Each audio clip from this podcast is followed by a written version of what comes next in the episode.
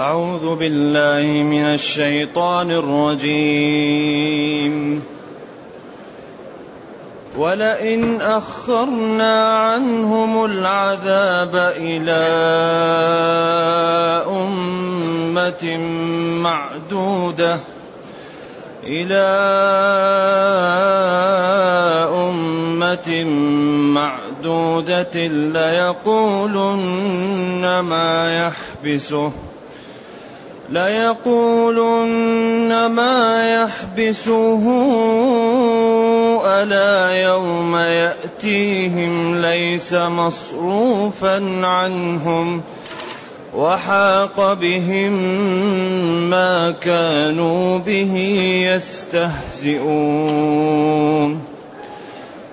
ولئن أذقنا الإنسان منا رحمة ثم نزعناها منه ثم نزعناها منه إنه ليئوس كفور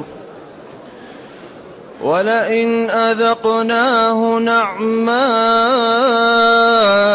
بعد ضراء مسته ليقولن ذهب السيئات عني. ليقولن ذهب السيئات عني إنه لفرح فخور إلا الذين صبروا وعملوا الصالحات إلا الذين صبروا وعملوا الصالحات أولئك لهم مغفرة أولئك لهم مغفرة وأجر كبير الحمد لله. الحمد لله الذي أنزل إلينا أشمل الكتاب وأرسل إلينا أفضل الرسل. وجعلنا خير أمة أخرجت للناس. فله الحمد وله الشكر على هذه النعم العظيمة والآلاء الجسيمة. والصلاة والسلام على خير خلق الله وعلى آله وأصحابه ومن اهتدى بهداه. أما بعد فإن الله تعالى يبين نوعا من أنواع تكذيب الكفار وعدم مبالاتهم. فأول لما قال لهم ما قال لهم قالوا إن هذا إلا سحر مبين أو ساحر مبين. ساحر حمزة والكسائي وسحر بقية القراء.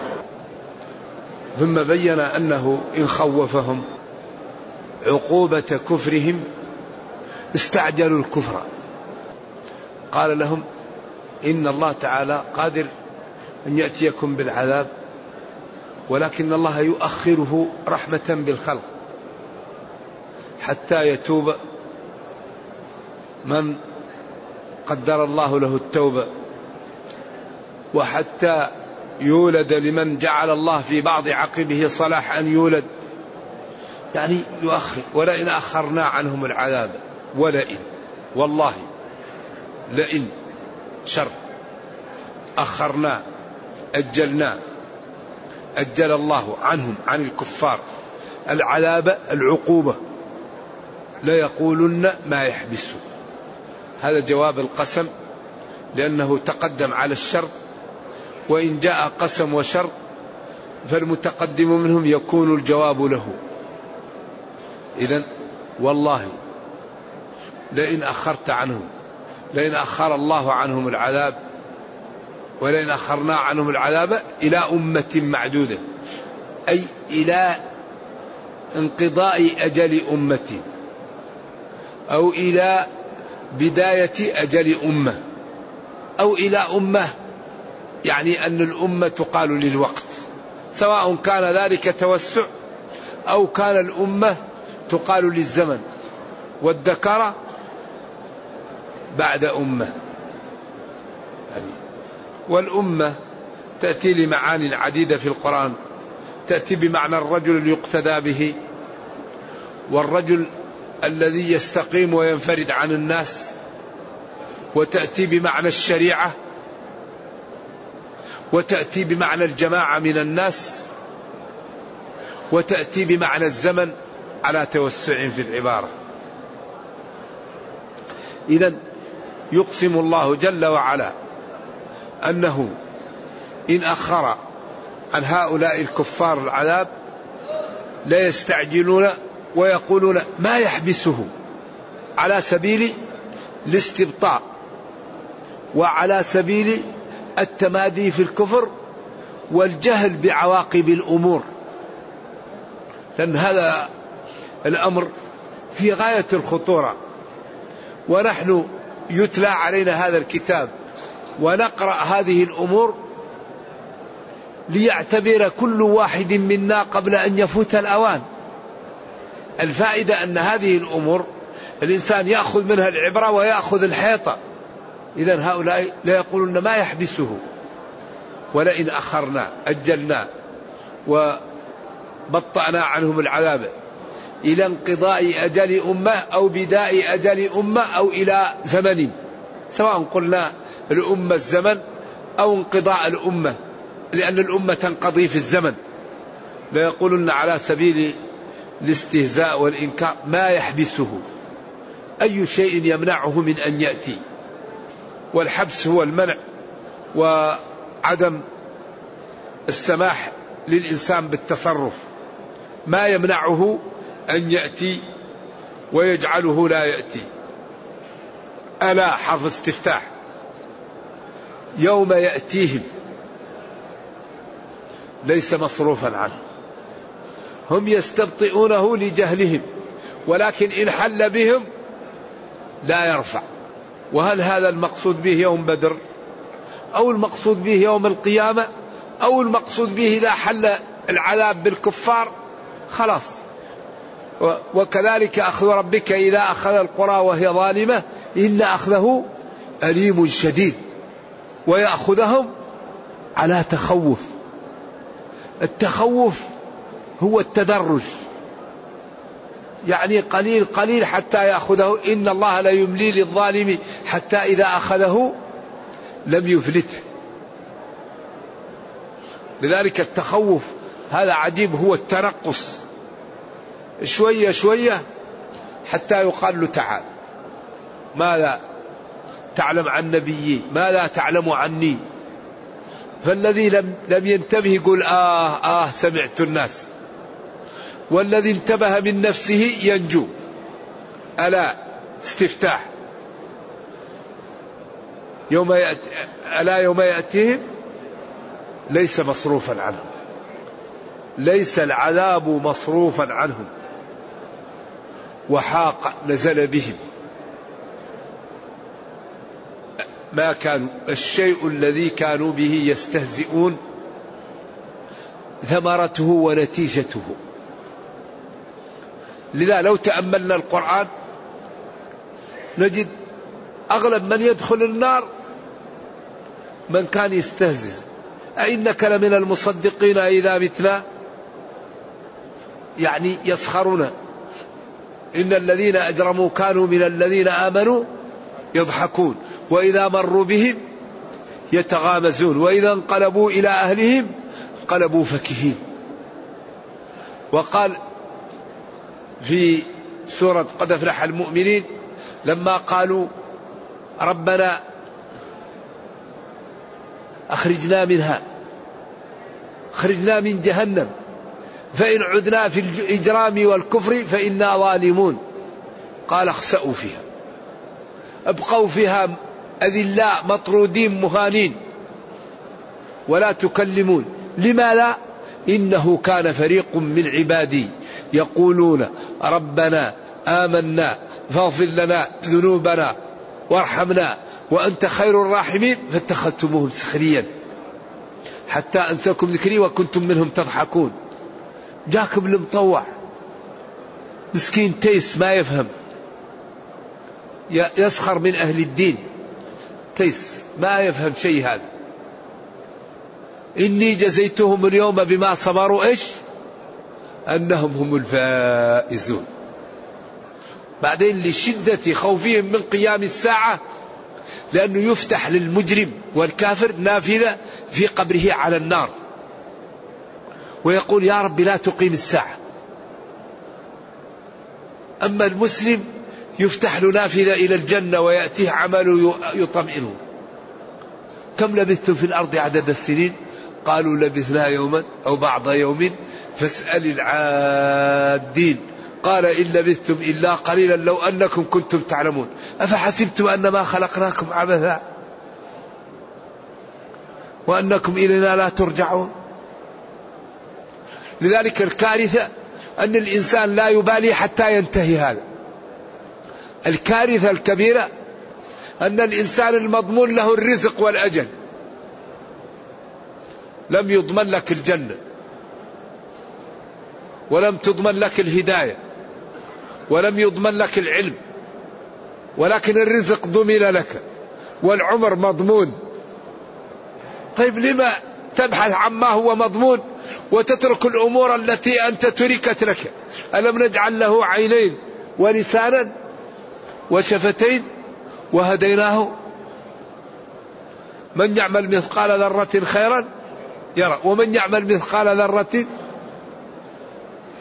طيب الأمور المضمونة نبحث عنها والأمور الغير مضمونة ننام عنها. والله غريب هذا. قال العلماء هذا من قوة الضمان. لما ضمن الله للخلق الرزق أصبح كل واحد لا يمكن ينام يبحث عن الرزق. لكن الجنة لم تضمن لأحد. لكن من فعل هذا يدخل الجنة ومن فعل هذا يدخل جهنم. فلذلك القرآن كله قائم على فريقين. ناس استقاموا وحسن إسلامهم وحسنت أعمالهم وخافوا من ربهم فالتزموا الأوامر واجتنبوا النواهي وعملوا بالأحكام وتأدبوا بالآداب وتخلقوا بالأخلاق ففازوا في الدنيا والأخرى. ضمن الله لهم صلاح الدنيا والأخرى. وناس غلبوا الشهوة وغلبوا الحاضر فلم يبالوا بصلاة ولا بصوم ولا بعبادة ولا بأمر ولا بنهي.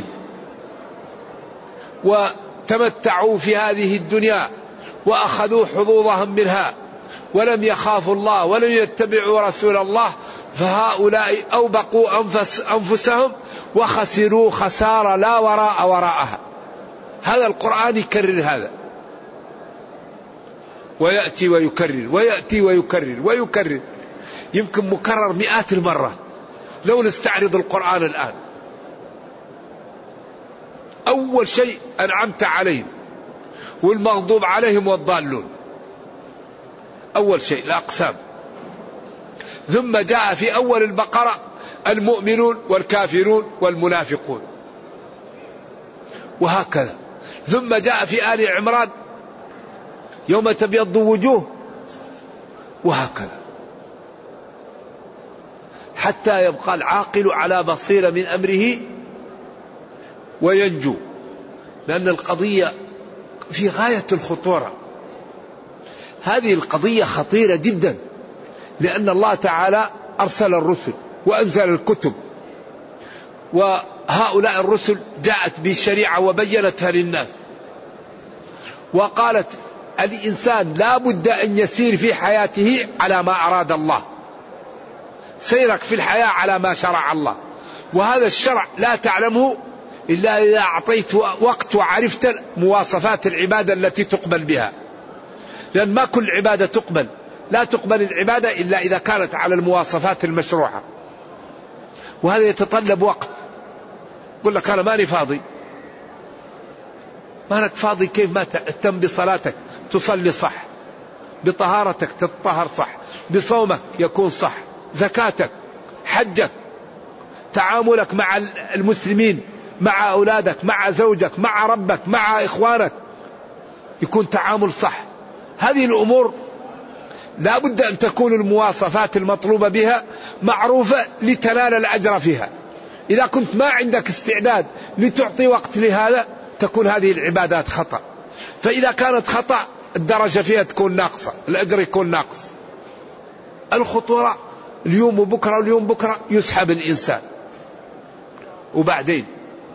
لكن هذا القرآن يقول كأن يا ناس انتبهوا. يا ناس البدار البدار. يا ناس النجاة النجاة. يا ناس انتبهوا. لذلك يوم القيامة الله يقول كلما ألقي فيها فوج نرجو الله أن يجيرنا من النار. سألهم خزنتها خزنة النار. ألم يأتكم نذير؟ قالوا ما لا بلى. وبعدين هنا محل إضمار أظهر لخطورة الموقف. جاءنا نذير فكذبنا. جاءنا نذير. قالوا بلى. ألم يأتكم نذير؟ قالوا بلى جاءنا. لكن هنا أظهر. لأن الموقف خطير. قالوا بلى قد جاءنا نذير فكذبنا. الآية يقول والله لئن أجلنا وأخرنا عن الكفار العذاب إلى زمن معدود ليقولن ما يحبسه على سبيل الإنكار هذا لجهلهم. فالله كأنه أجابهم إجابة ضمنية بقوله ألا ولذلك فصل الجملة لأنها كالجواب لم يعطفها ألا يوم يأتيهم؟ ليس مصروفا عنهم. ولذلك قال وما هم منها بمخرجين. كلما نضجت جلودهم النار مثواكم خالدين فيها. وحاق بهم ما كانوا به حاق حل بهم. ما موصولة الذي كانوا به يستهزئون وهو الدين ومحمد صلى الله عليه وسلم وما جاءهم به. يسخرون منه ويستهزئون. ولذلك أخطر شيء السخرية إن الرجل لا يتكلم بالكلمة لا يلقي لها بال يهوي بها في النار سبعين خريفا. قال له أوصيني قال له أمسك عليك إيش؟ هذا. هذا الذي يورد الناس الموارد. هذا هذا اللسان. لذلك الذي يريد النجاة لا يرفع الكلام لا يشتغل إلا فيما ينفعه.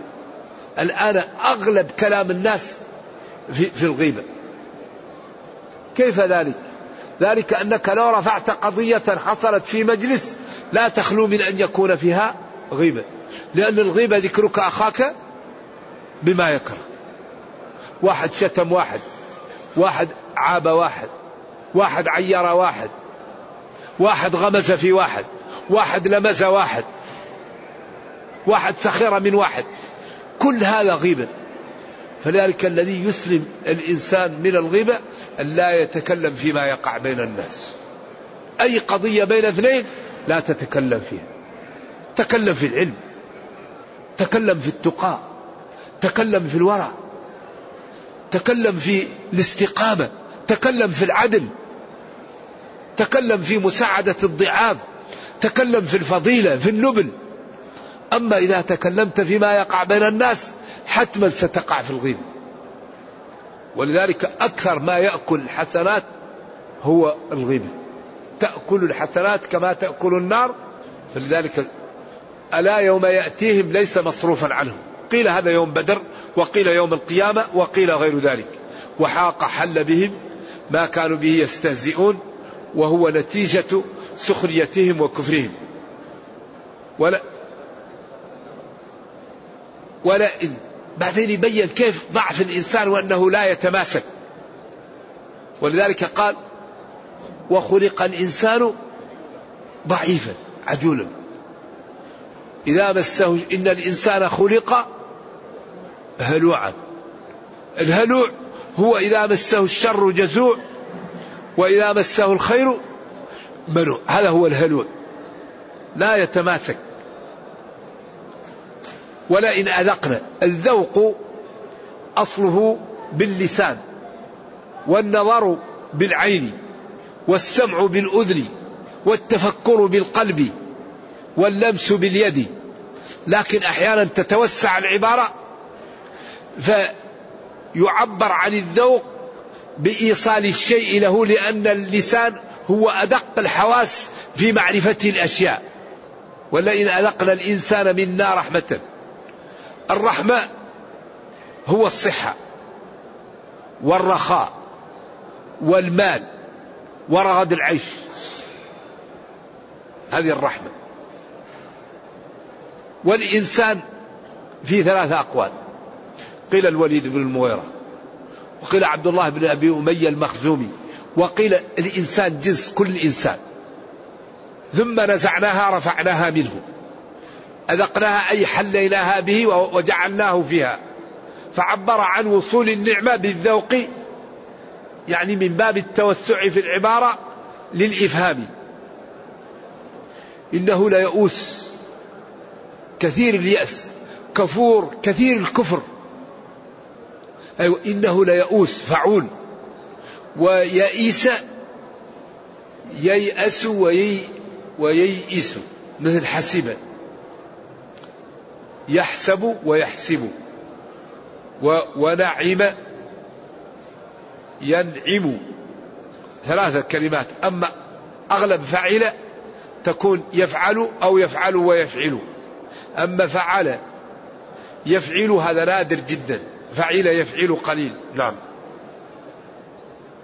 إذا ولئن أذقناه نعماء بعد يعني هو إذا إذا إذا عملنا له ييأس ويكفر ويجحد كل شيء.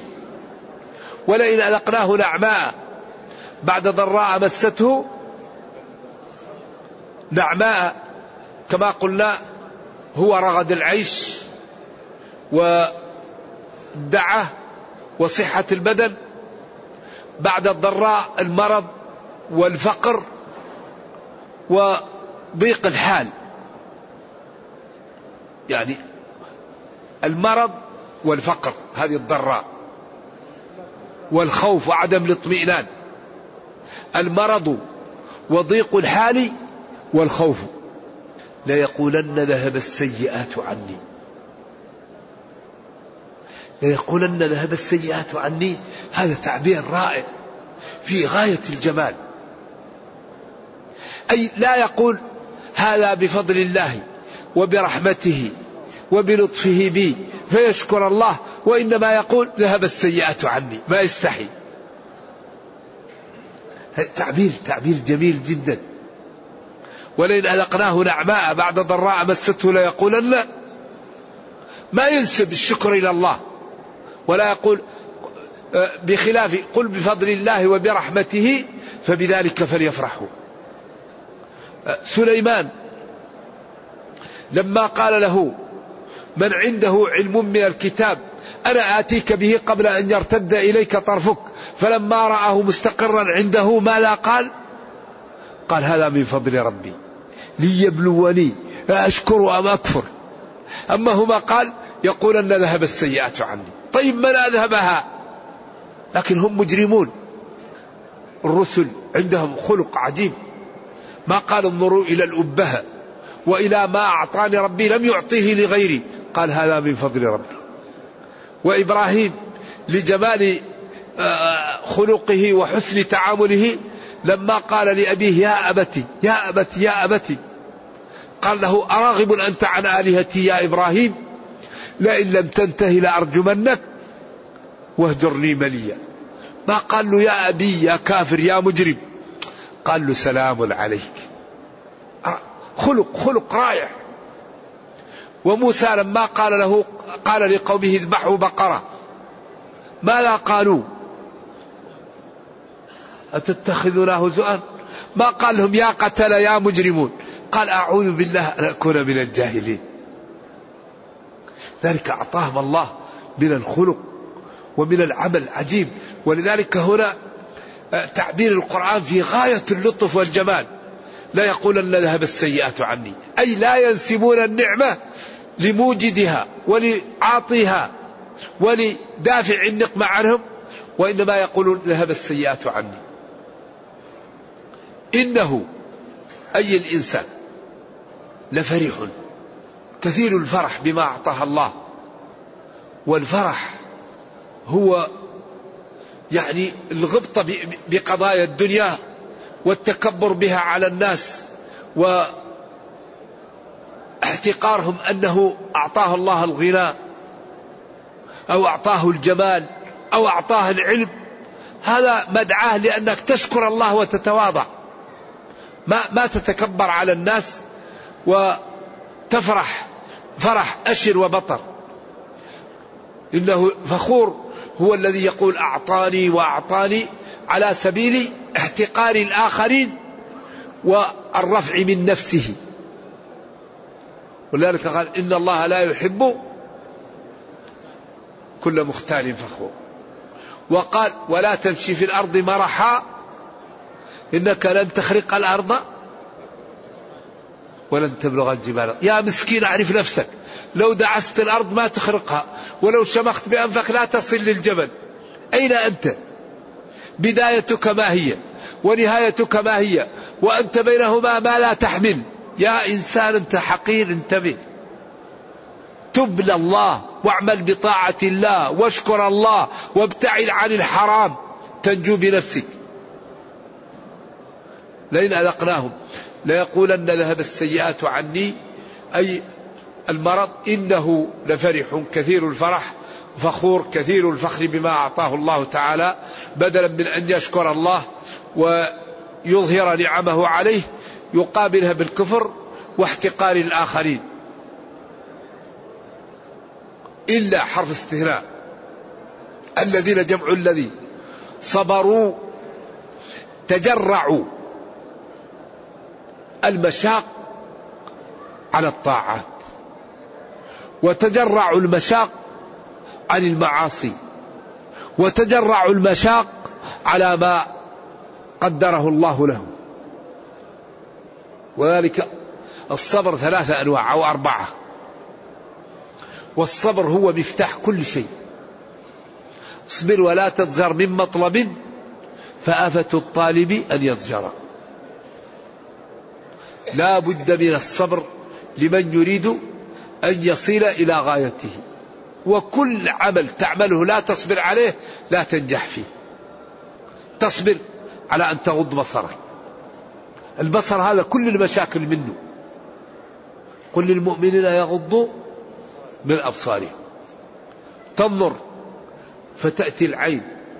تنظر تأتي الشهوة. تنظر يأتي الحسد. قال غض بصرك. الأذن لا تسمع بها. الحرام. لا تتصنت لا تتجسس لا تتسمع لقوم وهم كارهون. اللسان لا تنطق بالحرام. الرجل لا تمشي للحرام. اليد لا تلمس حرام. البطن لا تضع فيه حرام. الفرج لا ترسله على حرام. إذا تصبر على الطاعة وتصبر عن المعصية وتصبر على أقدار الله وتصبر على النعمة فتقيدها. لأن وأصعب الأشياء الصبر على النعمة أن الإنسان لا يكفرها ويقيدها. لأن أغلب الناس إذا أعطي النعمة لم يصبر عليها كفرها. ولذلك إن الإنسان ليطغى أن رآه استغنى. إذا استغنى يطغى. إلا الذين صبروا. قيل الاستهلاء متصل وقيل الاستهلاء منقطع. والفرق بين الاستهلاء المتصل والمنقطع أن المنقطع بمعنى لكن والكلام لا يكون من الأول والمتصل الكلام منه فكأنهم يقول لكن الذين آمنوا وبعضهم يقول إن الإنسان كل الناس وداخل فيهم المسلم والكافر إلا الذين آمنوا ويكون الاستهلاء متصل وهذا أوضح. وأمشى مع السياق. إلا الذين صبروا. يعني على أنواع الصبر وعملوا الفعلات الصالحة. وعملوا الصالحات. صالحات جمع صالحة فعلات. ويدخل فيه كل الدين. أعلاه شهادة لا إله إلا الله وأدناه إماتة الأذى عن الطريق. كل الدين. ولذلك هذا القرآن معجز. بروا بوالديهم. أكرموا جيرانهم. زاروا المرضى في في في المستشفيات. أصلحوا ذات البين ساعدوا الأيتام والرميلات. وصلوا الأرحام. وعلموا أهليهم وذويهم. صبروا على أذية إخوانهم. أكرموا من تخالطهم من المسلمين. لأن الله تعالى أمرك بذلك. من تخالط من المسلمين تسع شرائح كلها أمرت بالإكرام لها واعبدوا الله ولا تشركوا به شيئا بالوالدين إحسانا وبذي القربى واليتامى والمساكين والجار ذي القربى والجار الجنوب والصاحب بالجنب وابن السبيل وما ملكت أيمانكم. والله دين في غاية الحسن والجمال. كل الشرائح التي تخالطها يجب أن تكرمها. عملوا الصالحات. تكرم كل من تخالطه. تغض بصرك. تبذل الخير. تكف أذاك. تلاقي إخوانك بوجه طلق.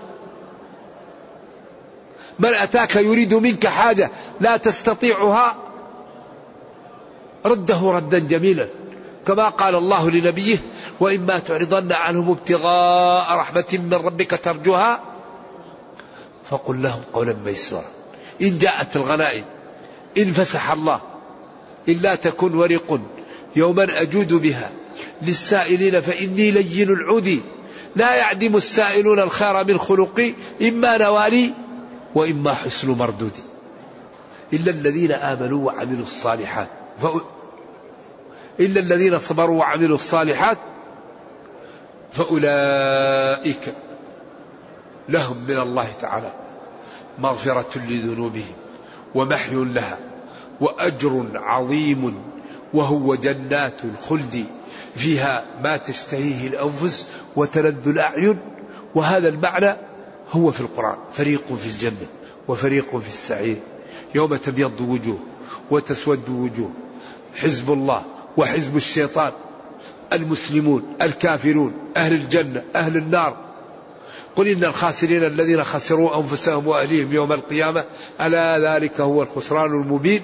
لهم من فوقهم غلل من النار ومن تحتهم غلل ذلك يخوف الله به عباده. يا عبادي فاتقون.